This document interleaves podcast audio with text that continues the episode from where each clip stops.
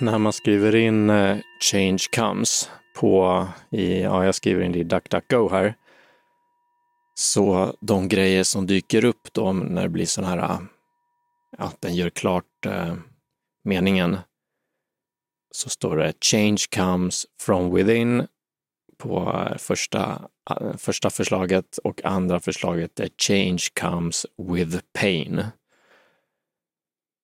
När jag skrev in det på svenska i Google så stod det bara konstiga grejer på förändring kommer. jag vet inte varför, varför det var så. Men, ehm, ja, så, men intressant i alla fall tycker jag. Change comes from within är det första som kommer upp när man söker på change comes. Och eh, det andra är change comes with pain. Så jag tänkte eh, tala om det då. Tala om det här med förändring kommer inifrån och eh, förändring kommer med smärta. Som att födas, som att bli till. Det är någonting med, eh, eller det finns ett eh, citat med, med Buddha om att hur han definierar eller pratar om förändring också, att det är i princip liv, livet, livet som sådant är förändring. Det är inget citat om, men han talar om det på det sättet och det finns ju många traditioner att livet är förändring och livet är i konstant förändring och således också om, om förändring är lidande så är livet lidande, vilket ju Buddha har sagt. Och man behöver inte ta Buddha, det är många andra traditioner som är inne på det. Att leva ett liv, ett mänskligt liv, är en... Eh, jag får fixa till micken här lite grann. Är en massa lidande. Så är det. Livet är lidande, världen är lidande. Det är dualitet.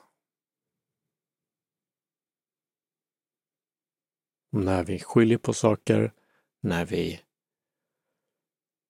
separerar i vårt sinne, då uppstår lidande. När vi är ett, enhetliga, så upphör lidande när vi hittar tillbaka till oss själva.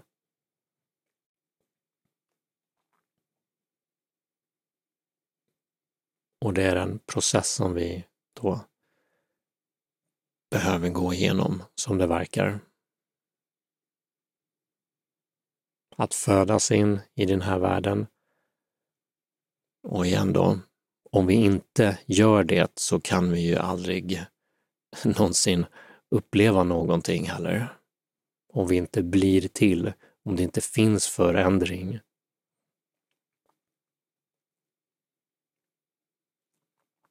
Om vi inte föds in i världen och verkas fram så kan vi aldrig uppleva någonting heller. Många traditioner förklarar hur världen... Var, varför har vi så mycket lidande ungefär? är en sån här återkommande grej. Om Gud är allsmäktig, varför har vi så mycket lidande på jorden då? Varför tar han inte bort allt lidande?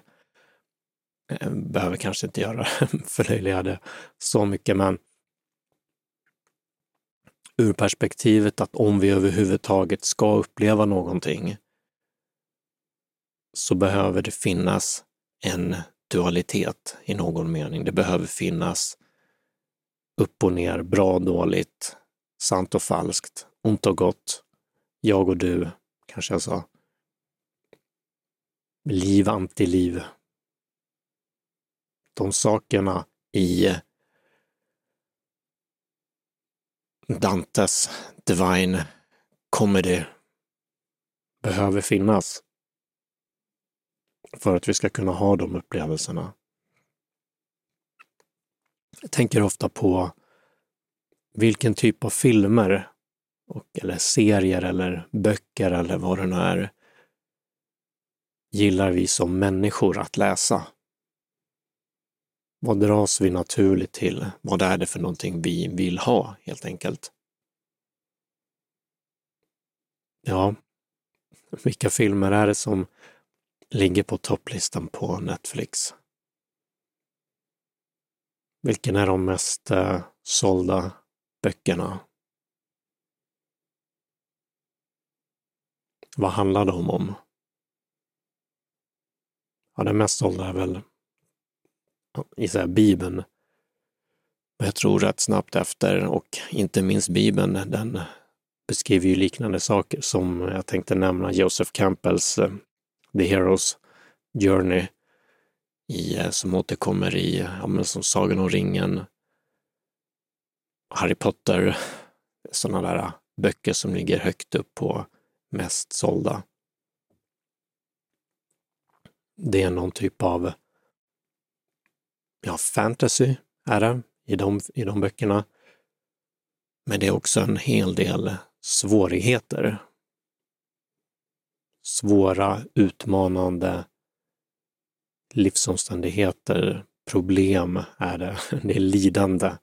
Det är ångest, oro, rädsla och att då, som i hjältens resa, överkomma det så att vi överkommer de här svåra problemen. Så vi vill ha problemen och så vill vi överkomma dem. Det ger, det är njutbart. Det är njutbart i våra liv och det är njutbart, det är det vi vill se i film. Ingen vill såklart bli utsatt för, bli, bli nedslagen eller utsatt för övergrepp eller har eh, svälta vara med om krig eller den typen av grejer. Det är ingen, ingen individ som önskar det för sig själv. Det är inte så jag, så jag menar, men att någonstans så är det ändå det som vi söker. Det är en del i det i alla fall.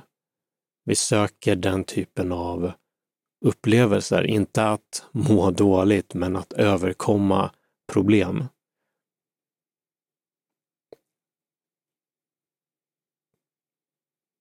Det är det vi söker när vi ser på de här filmerna. Det är det vi intresserar oss för. Igen, vilken film är det som, om vi vänder på det, som vi inte vill se på? Vilka, vilka filmer tycker vi inte om? Ja, de finns ju i princip inte, för de produceras inte och det är filmer som inte har lidande.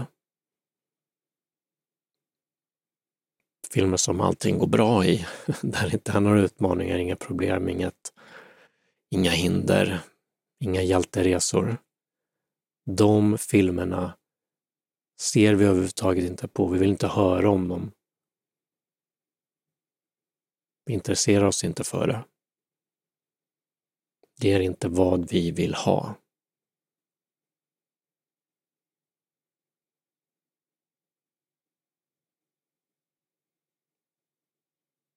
Så det tycker jag är en uppenbar mänsklig eh, karaktäristik, eller vad vi ska kalla det. Det är någonting som människor är intresserade av. Eller det är så människor vill leva, det är den typen av liv som vi vill ha.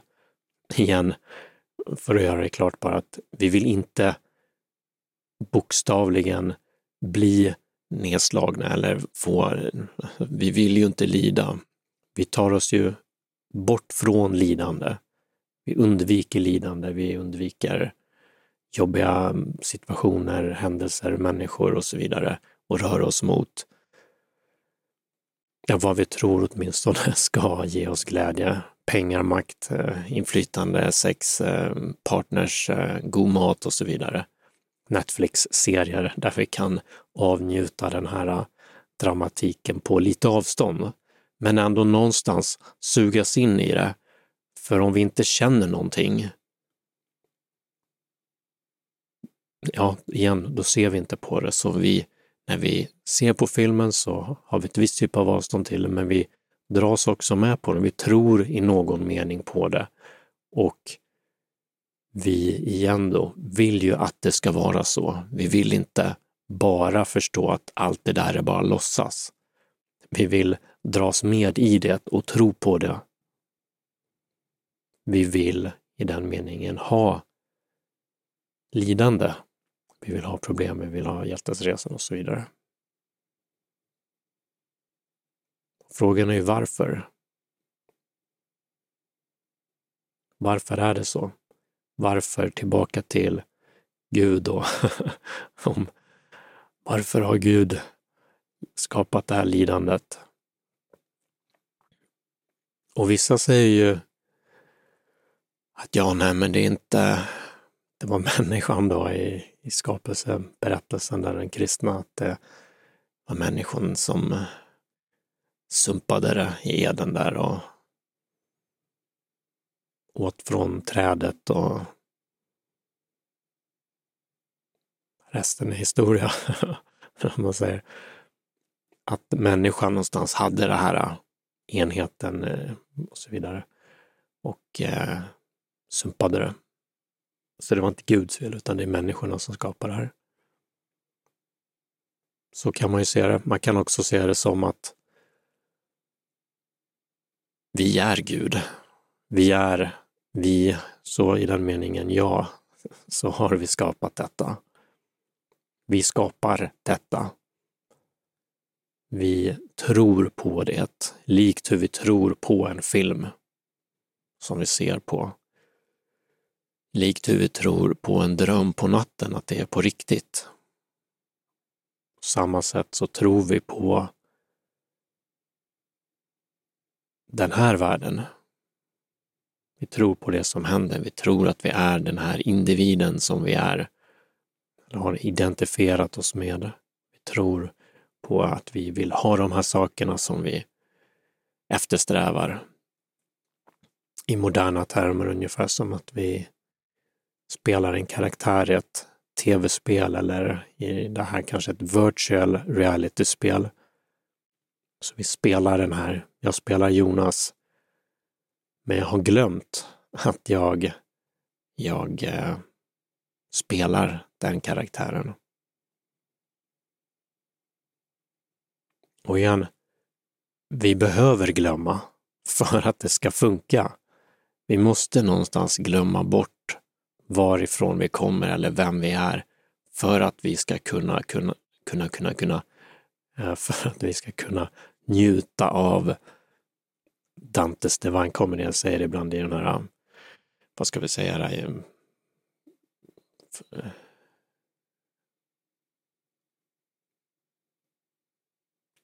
för att vi ska kunna njuta av våra liv. Den eh, fars, eller den underbara dramatik som vi får uppleva. För om vi inte har om vi inte har lidandet så får vi ju inte heller det motsatta råd.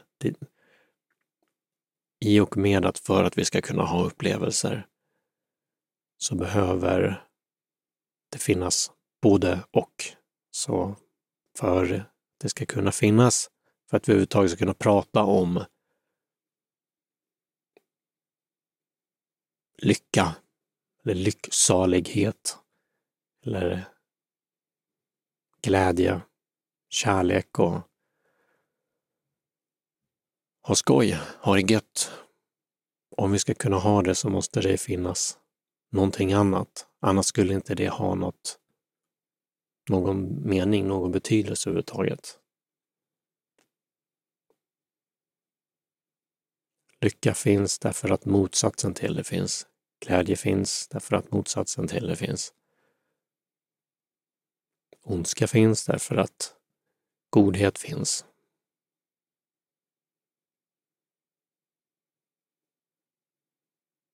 Och vägen ur det, vägen ur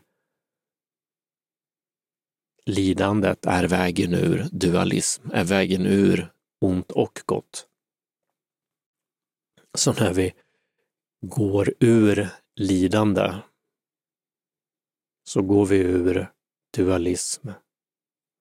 Som jag sa, men vi, så vi förlorar båda två. Så vi går tillbaka till innan innan vi skapade detta. Gå tillbaka till rent medvetande, som de säger i vissa traditioner. Gå tillbaka till roten själv. Sant själv, som de säger ibland. Eller om vi ska säga Gud, då inte Gud då, får, får inte bli då Gud som sitter uppe i molnen, utan Gud i Gud som, ja, ur ett mer buddhistiskt perspektiv, och kanske som jag. Alltså att vi är, eller du som lyssnar på det här just nu, har skapat den här världen likt hur du skapar en dröm på natten. Det är ditt, ja, i moderna termer så säger vi vår hjärna skapar en drömvärld på natten. Den tror vi inte på, utan vi vet någonstans att det är vi som har skapat den, men vi tror på den. Eller hur? Vi tror att det är en, en riktig dröm. Vi tror att den vi tror att vi är en person, vi tror att saker omkring oss är människor och saker och prylar och sådär. Men sen kan vi inse det då. Vi kan inse det i drömmen och bli lucid som det heter, klara. Och inse att vi är citattecken Gud. Vi har ju skapat det. Vi har, det är en projektion av, av vårt eget sinne. Vårt sinne har skapat det och projicerar bara en värld ur ingenting. På samma sätt säger traditionerna då om den här världen att vi tror att det här är på riktigt. Men vi har skapat det, likt, likt som en film på natten. Vad säger jag? En film på tv. Som en dröm på natten, som en film på tv. Eller en serie. Eller ett tv-spel. Så tror vi att det är på riktigt. Och om vi inte gör det igen så blir det inget kul. Och igen vill jag säga för hundrade gången att det är inga som egentligen, alltså ingen individ säger jag vill bli utsatt för hemska saker eller jag vill svälta eller jag vill, vill bli mördad eller, eller rånad eller lurad på pengar eller vara fattig eller något sånt.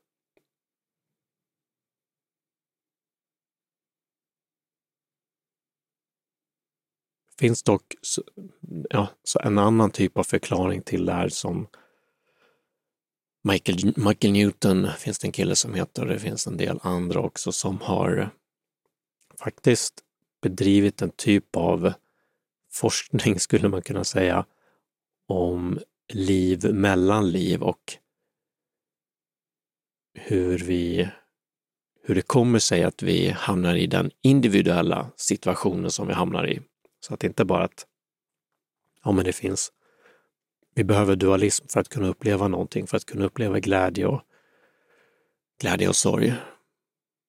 Men också på ett individuellt plan, hur kommer det sig att vi har valt den vägen?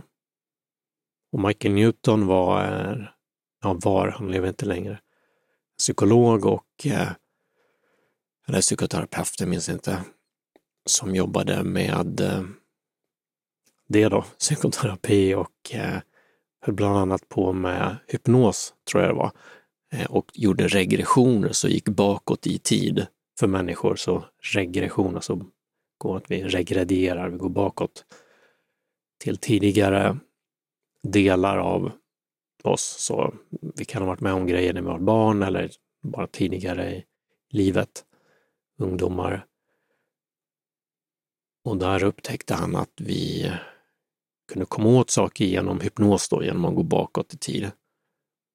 Och så jobbade han då, som jag förstår, under många år. Men vad som var intressant var att han gick, eller råkade snarare, för helt plötsligt började personer ibland prata om saker som var innan livet. så innan det livet de levde. Så de pratade om att de var i någon annan värld, de var en annan person någon annanstans. Så ett tidigare liv i, i, i den bemärkelsen, än hur man nu vill tänka kring vad det är. Men vi... Så det var en grej han märkte. Sen märkte han också efter ett tag att först så tyckte han att det var fel och trodde inte på det och så vidare. Ja, den ontologiska realiteten av det är ju någonting annat såklart, men han tänkte att det inte var bra ens, eller kom inte ihåg vad han sa, men han började utforska det till slut med, alltså, vad ska man säga, samtycke såklart då från de här personerna. Och inte bara tidigare liv kom upp, utan även liv mellan liv då.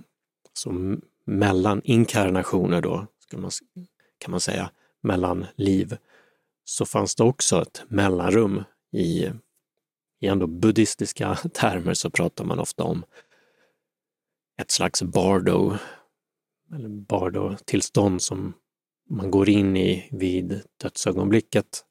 Det finns egentligen många bardon, men ett bardo är där mellanliv.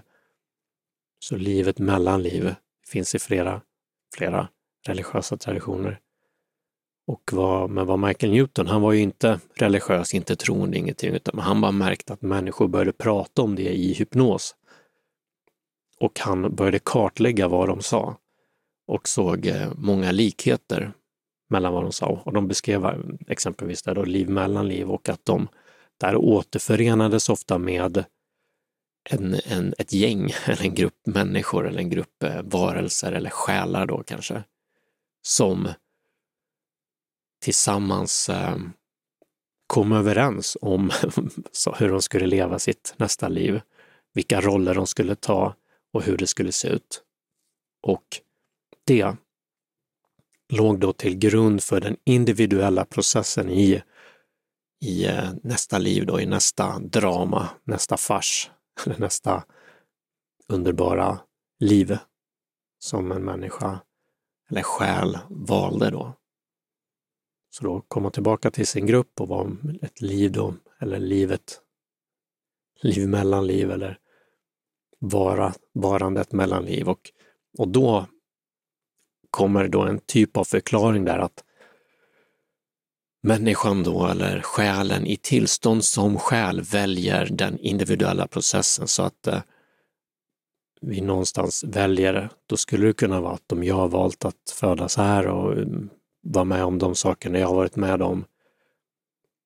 För att gå igenom den processen, lära mig vissa typer av saker och eh, utvecklas exempelvis, om hur man nu vill tänka kring det.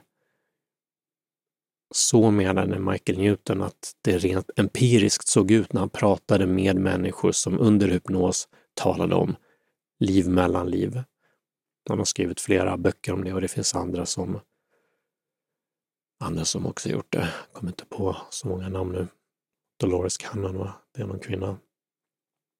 I alla fall så skrev han ner det och eh, vad som är intressant med honom är att han kommer från ett utifrån perspektiv kan man säga, utan tro, utan religion, utan bara undersökande vad människor säger. Och började säga, och det var inte att han sökte det. Sen lät han ju det komma fram då, men till en början så försökte han att eh, komma ifrån det som jag förstår och det var ingenting som han sökte. Så det är intressant ur det perspektivet att människor, oavsett vad som är sant eller falskt, men under hypnos naturligt börjar prata om det, om tidigare liv och om liv då mellan liv och det är då igen, då kan man typ av förklaring, om man så vill, man får tro på vad man vill, men det kan vara en typ av förklaring kring varför en individ väljer det de väljer. Så när de föds sen igen då så kommer ju det här att, i alla fall för 99,9 procent, att vi glömmer allting som varit innan. Vi glömmer också livet mellan liv.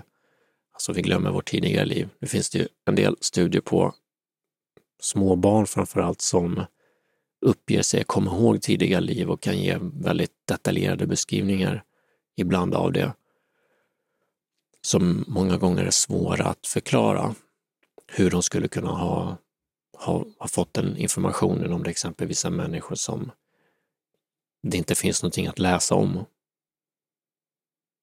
Så det, det finns ingen tidning eller något sånt som det står någonting om dem och så kan de helt plötsligt och små barn i sig läser inte så mycket tidningar om folk för så 50 år sedan, men oavsett, det, väl, det blir väldigt svårt att förklara.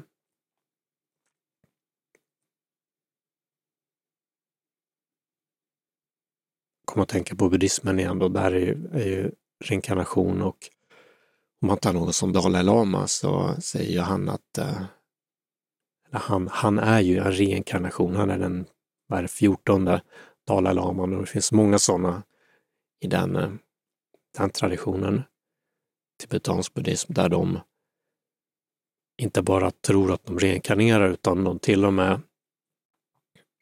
tränar sitt medvetande till den grad att de genom den här processen, genom reinkarnationsprocessen, är så medvetna att de vet om att det händer. Så att de kan välja återfödelse och till och med redan innan de återföds ge upplysningar av ungefär var de kommer att återfödas och till vilken familj och sådant. Jag vet inte hur väl det har belagts, men att det, det är så de berättar i alla fall. Och när de ska ta reda på om det verkligen är Dalai Lama som föds så ger de den tidigare Dalai Lamas till det barnet som har fötts som de tror att det är den nya Dalai Laman och ser om han väljer rätt saker. Så får de tre käppar, tre hattar, tre sjalar. Och, man, och det är som ett test att se om han väljer rätt. För då minns han vem han är då oftast. Eller var i sitt tidigare liv. Många av de forskarna som håller på med det säger att det brukar hänga i några år. Kanske till, upp till fyra, fem, sex års åldern så där. Sen bruk, börjar, brukar de minnena, var de nu kommer ifrån, försvinna. Ja, i alla fall, så vi har en typ av förklaring för att inte, en, en förklaring till varför världen ser ut som den gör överhuvudtaget. Varför har vi lidande? Jo, därför att vi vill ha den här, vi vill ha den här världen. Vi vill ha att det händer någonting. Vi vill inte vara, ett annat sätt att se på det också, vi vill inte vara ensamma. Enhet är ensamhet.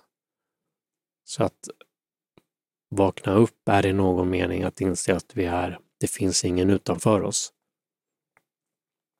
Och det kan ju vara bra och positivt och att man, det leder till kanske mer omtanke för andra, men det kan också leda till en viss typ av ensamhet.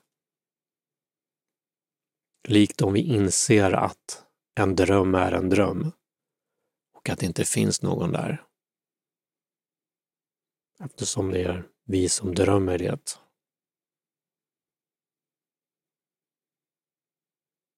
Så när den typen av lidande som vi inte vill ha upphör, så betyder det inte nödvändigtvis att alla problem försvinner. Det kan fortfarande finnas, komma andra typer av, av eh, problem, som ensamhet. Och en del människor, jag själv där ibland, så att gå till det stället eller vara i det kan många gånger kännas jobbigare än livet, eh, livet i dualism.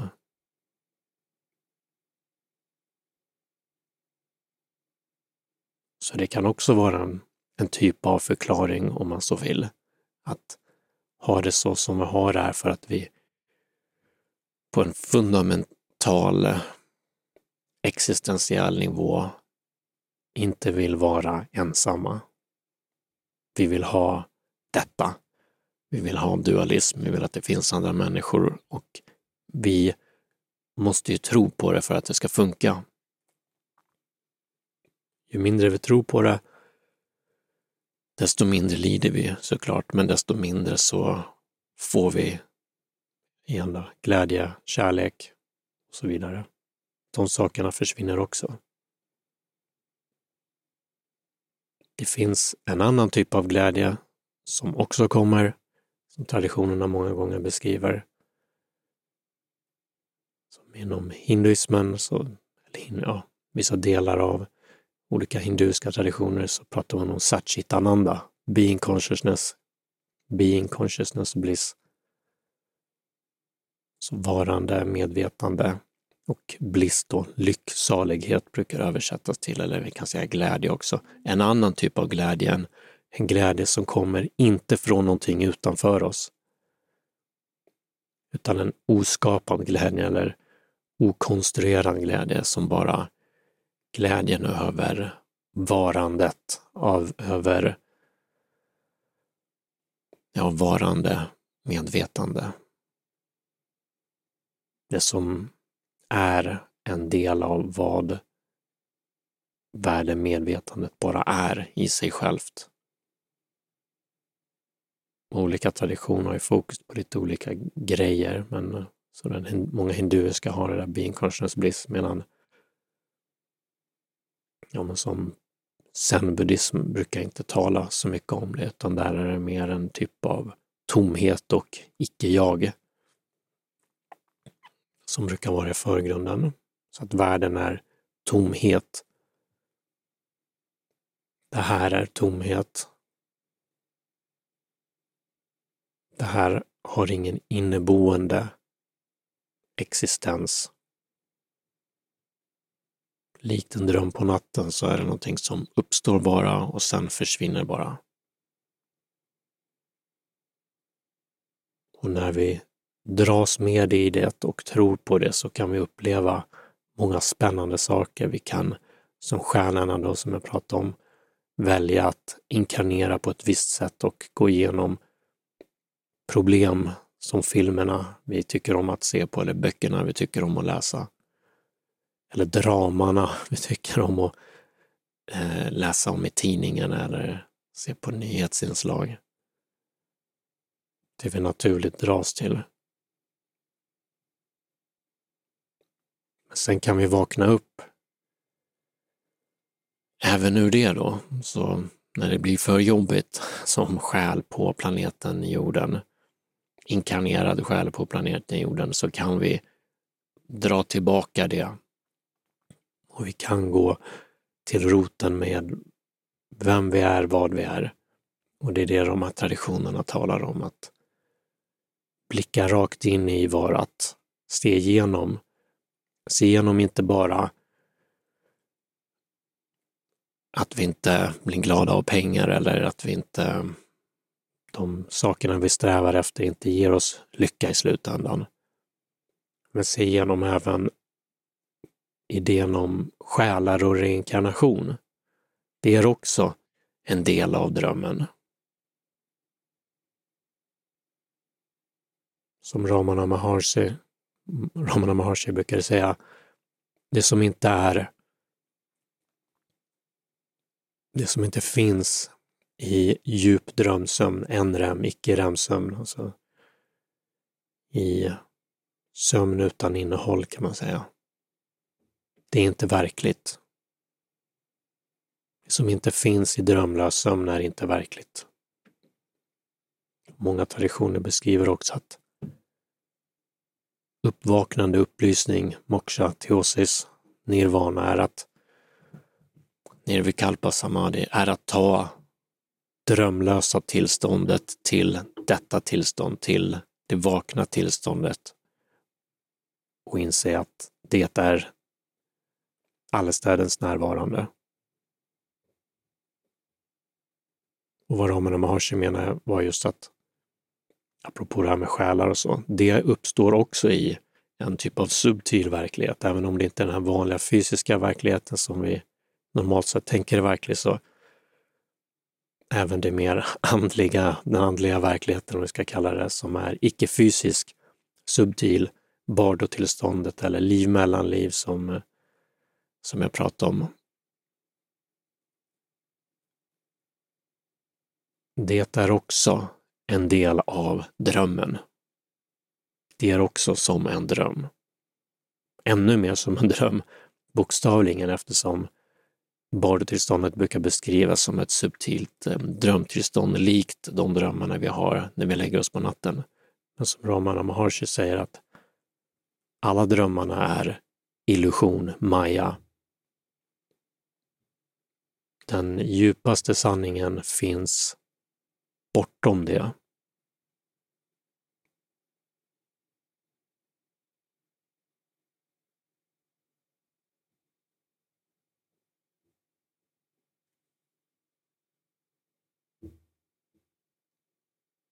Och det går att vakna upp till då. Det är det traditionerna pratar om. De mystika traditionerna och andra, även icke-religiösa traditioner. Ursäkta. Även icke-religiösa traditioner. Och igen, metafysiken bakom det är en annan sak. Vad är det som egentligen händer? Vad är det som... Finns det liv mellan liv? Finns det reinkarnation? Finns... Eh, är det verkligt? Ramana Maharshi säger ju nej. Jag skulle säga att de mystika traditionerna säger nej. Istället att det här, ja, det är som sagt att det är Maya, det är illusion. Men det finns, det existerar ju. Det uppstår. De gör bara ingen skillnad på den här världen och Bardovärlden eller någon annan typ av värld. Allting är samma. Allting är samma sinne, samma medvetande.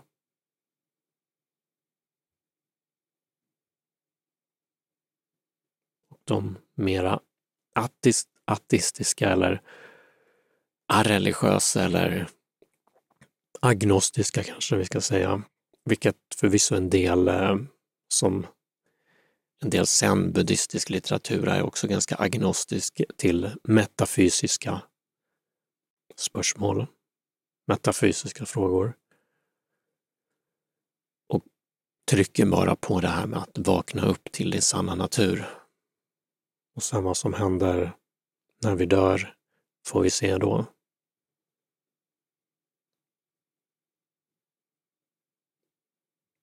Och de igen då ateistiska traditionerna, ateistiska spirituella traditionerna, då, vi ska kalla dem, meditativa traditionerna, mer moderna, ser det väl enbart som olika typer av medvetandetillstånd. Att när vi vaknar upp så inser vi att vi inte är den här eller vi känner att vi inte är den personen vi tidigare identifierade oss med. Vilket vi rent ska man säga, vetenskapligt, de flesta är överens om idag, så vitt jag kan se i alla fall, om att idén om ett jag är fel. ett bestående jag som enhetligt som håller ihop, utan jaget, det narrativa självet, är en typ av illusion även ur ett objektivt vetenskapligt perspektiv. Men att inse det betyder ju inte, eller vakna upp till det eller känna att det faktiskt är så, så som vetenskapen redan beskriver det, betyder ju inte att vi är Gud som har skapat det här. Det är en annan sak, det är en typ av metafysik. Men det är liknande, för att inte säga samma upplevelse.